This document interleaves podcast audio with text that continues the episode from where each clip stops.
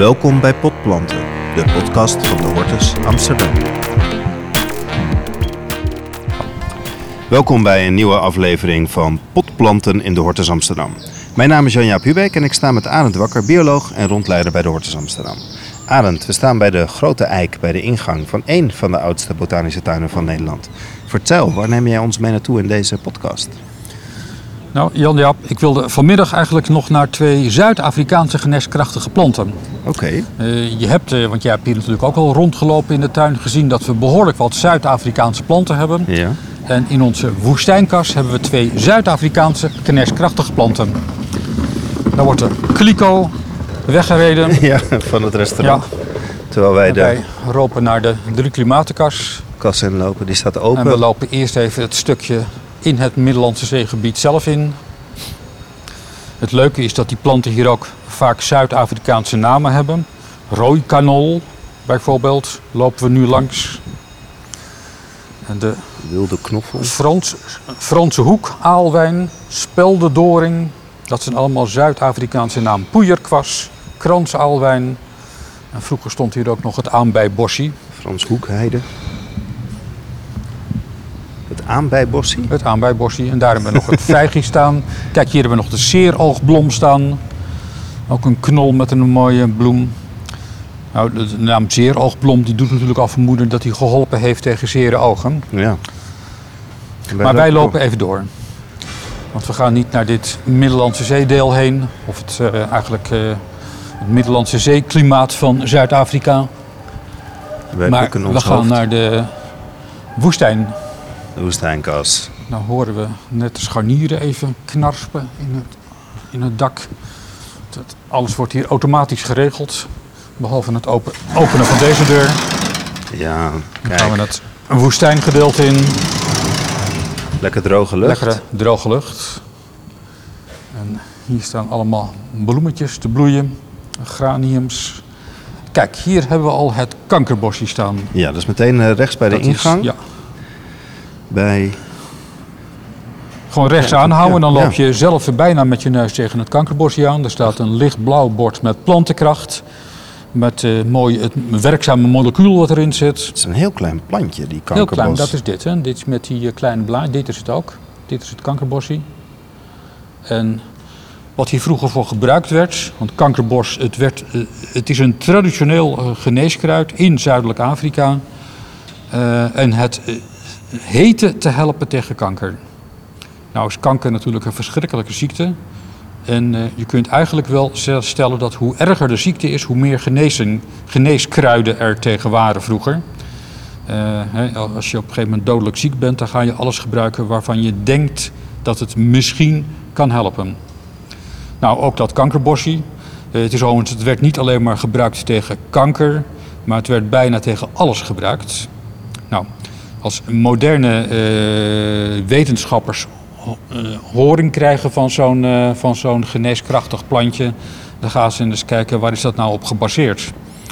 En dan gaan ze niet meer naar de vorm kijken, ze gaan niet naar de kleur van het plantje kijken, maar het plantje wordt meegenomen naar een scheikundelaboratorium en dan wordt gekeken wat voor stoffen zitten er nu eigenlijk in. En dat is vaak een, een bijzonder ingewikkeld verhaal, want in elke plant daar zitten honderden mogelijke werkzame stoffen.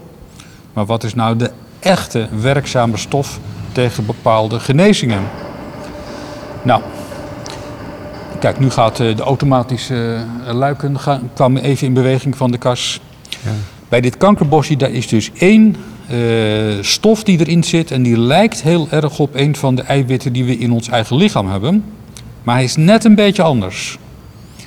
En het vermoeden is omdat dat eiwit dus net een klein beetje anders is dan ons lichaams eigen eiwit, dat ons immuunsysteem dat herkent als iets van dat is vreemd wat zit in ons lichaam, dat gaan we verwijderen, zodat ons immuunsysteem aangezet wordt, als het ware.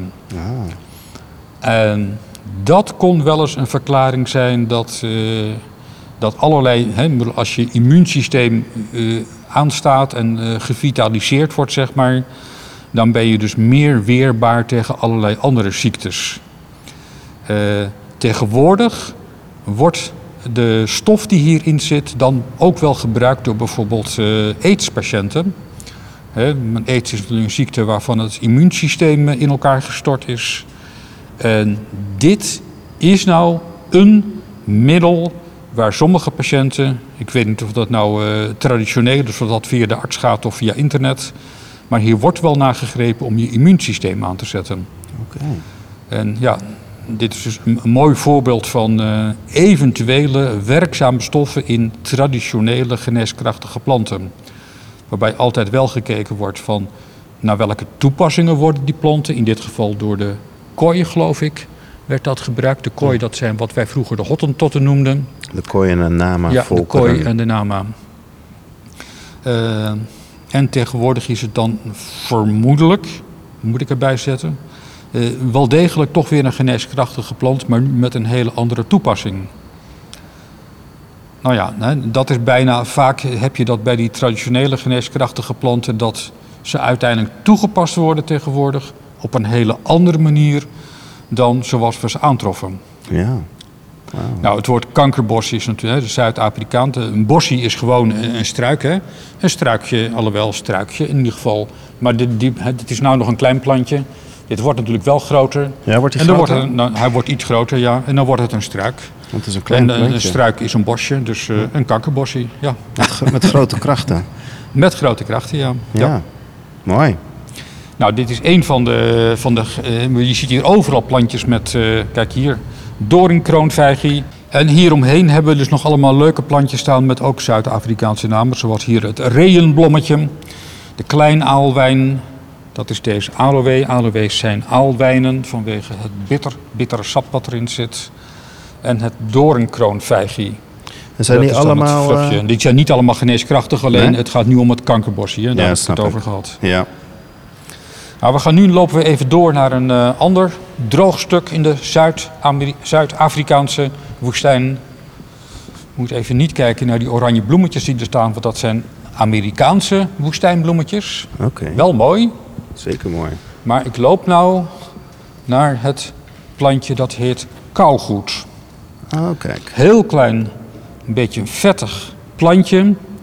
Wat bijna, het bord staat een beetje over de plant heen. Als hij gaat bloeien komen er witte bloemetjes aan. Je ziet nog het restant van een bloeiwijzer daar op de grond liggen. En kauwgoed was dus ook een heel oud bekend plantje. Het heet ook wel, uh, door de kooi werd het kanna genoemd. Uh, en je, daar kreeg je een goed gevoel van. Het was, uh, je werd er vrolijk van. Eventueel als je triest was omdat er wat gebeurd was, dan kon je dit gaan kauwen en dan werd je weer beter. Oh. Nou, het is dus eigenlijk wat je noemt een uh, happy-go-lucky plantje wat dat betreft. Je kunt het kauwen en dan komt er stof vrij die precies zo werkt als tegen wat wij tegenwoordig als Prozac kennen. Ah. Uh, het, het, helpt dan wat het heet het serotonine-niveau, wat op niveau blijft. Uh, en dit plantje werkt precies op die manier van uh, Prozac.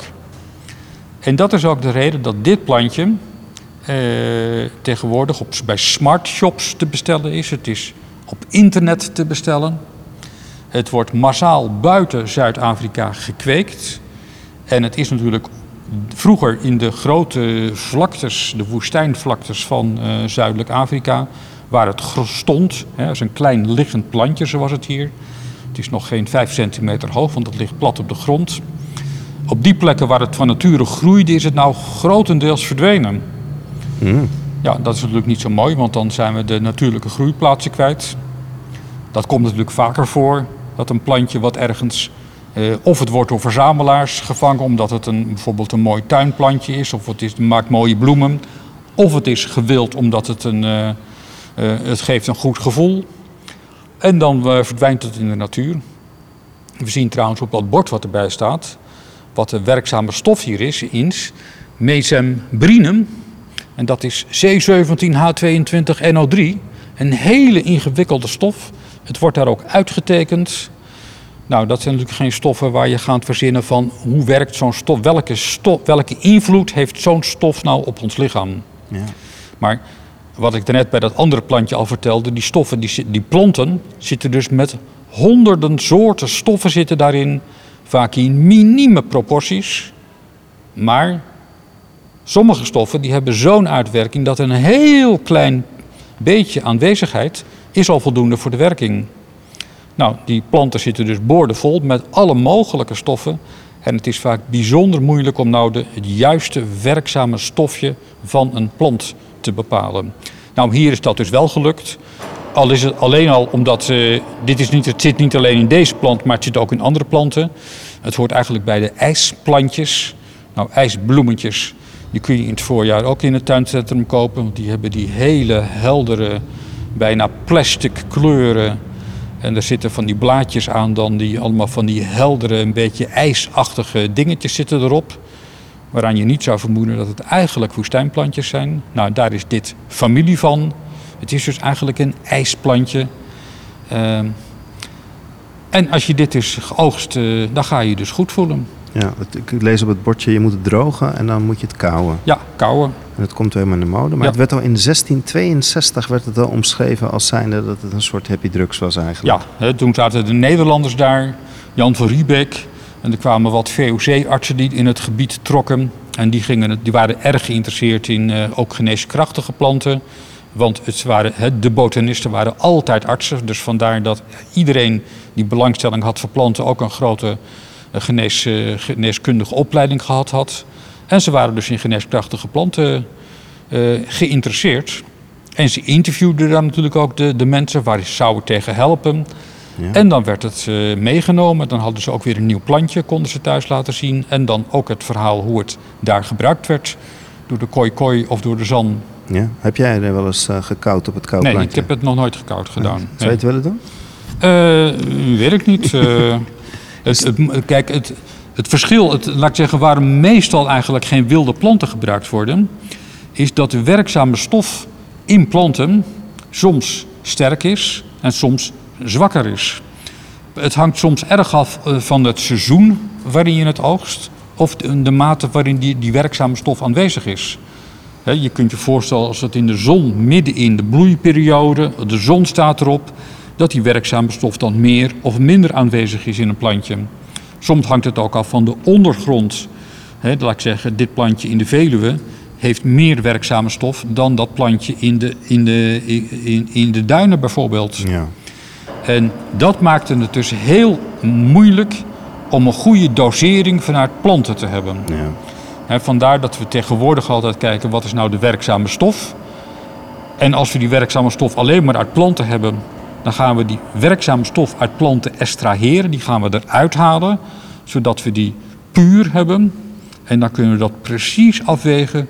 Wat is nou de dosering, zodat de patiënt ook daadwerkelijk eh, er heil bij hebt, zonder dat hij overlijdt.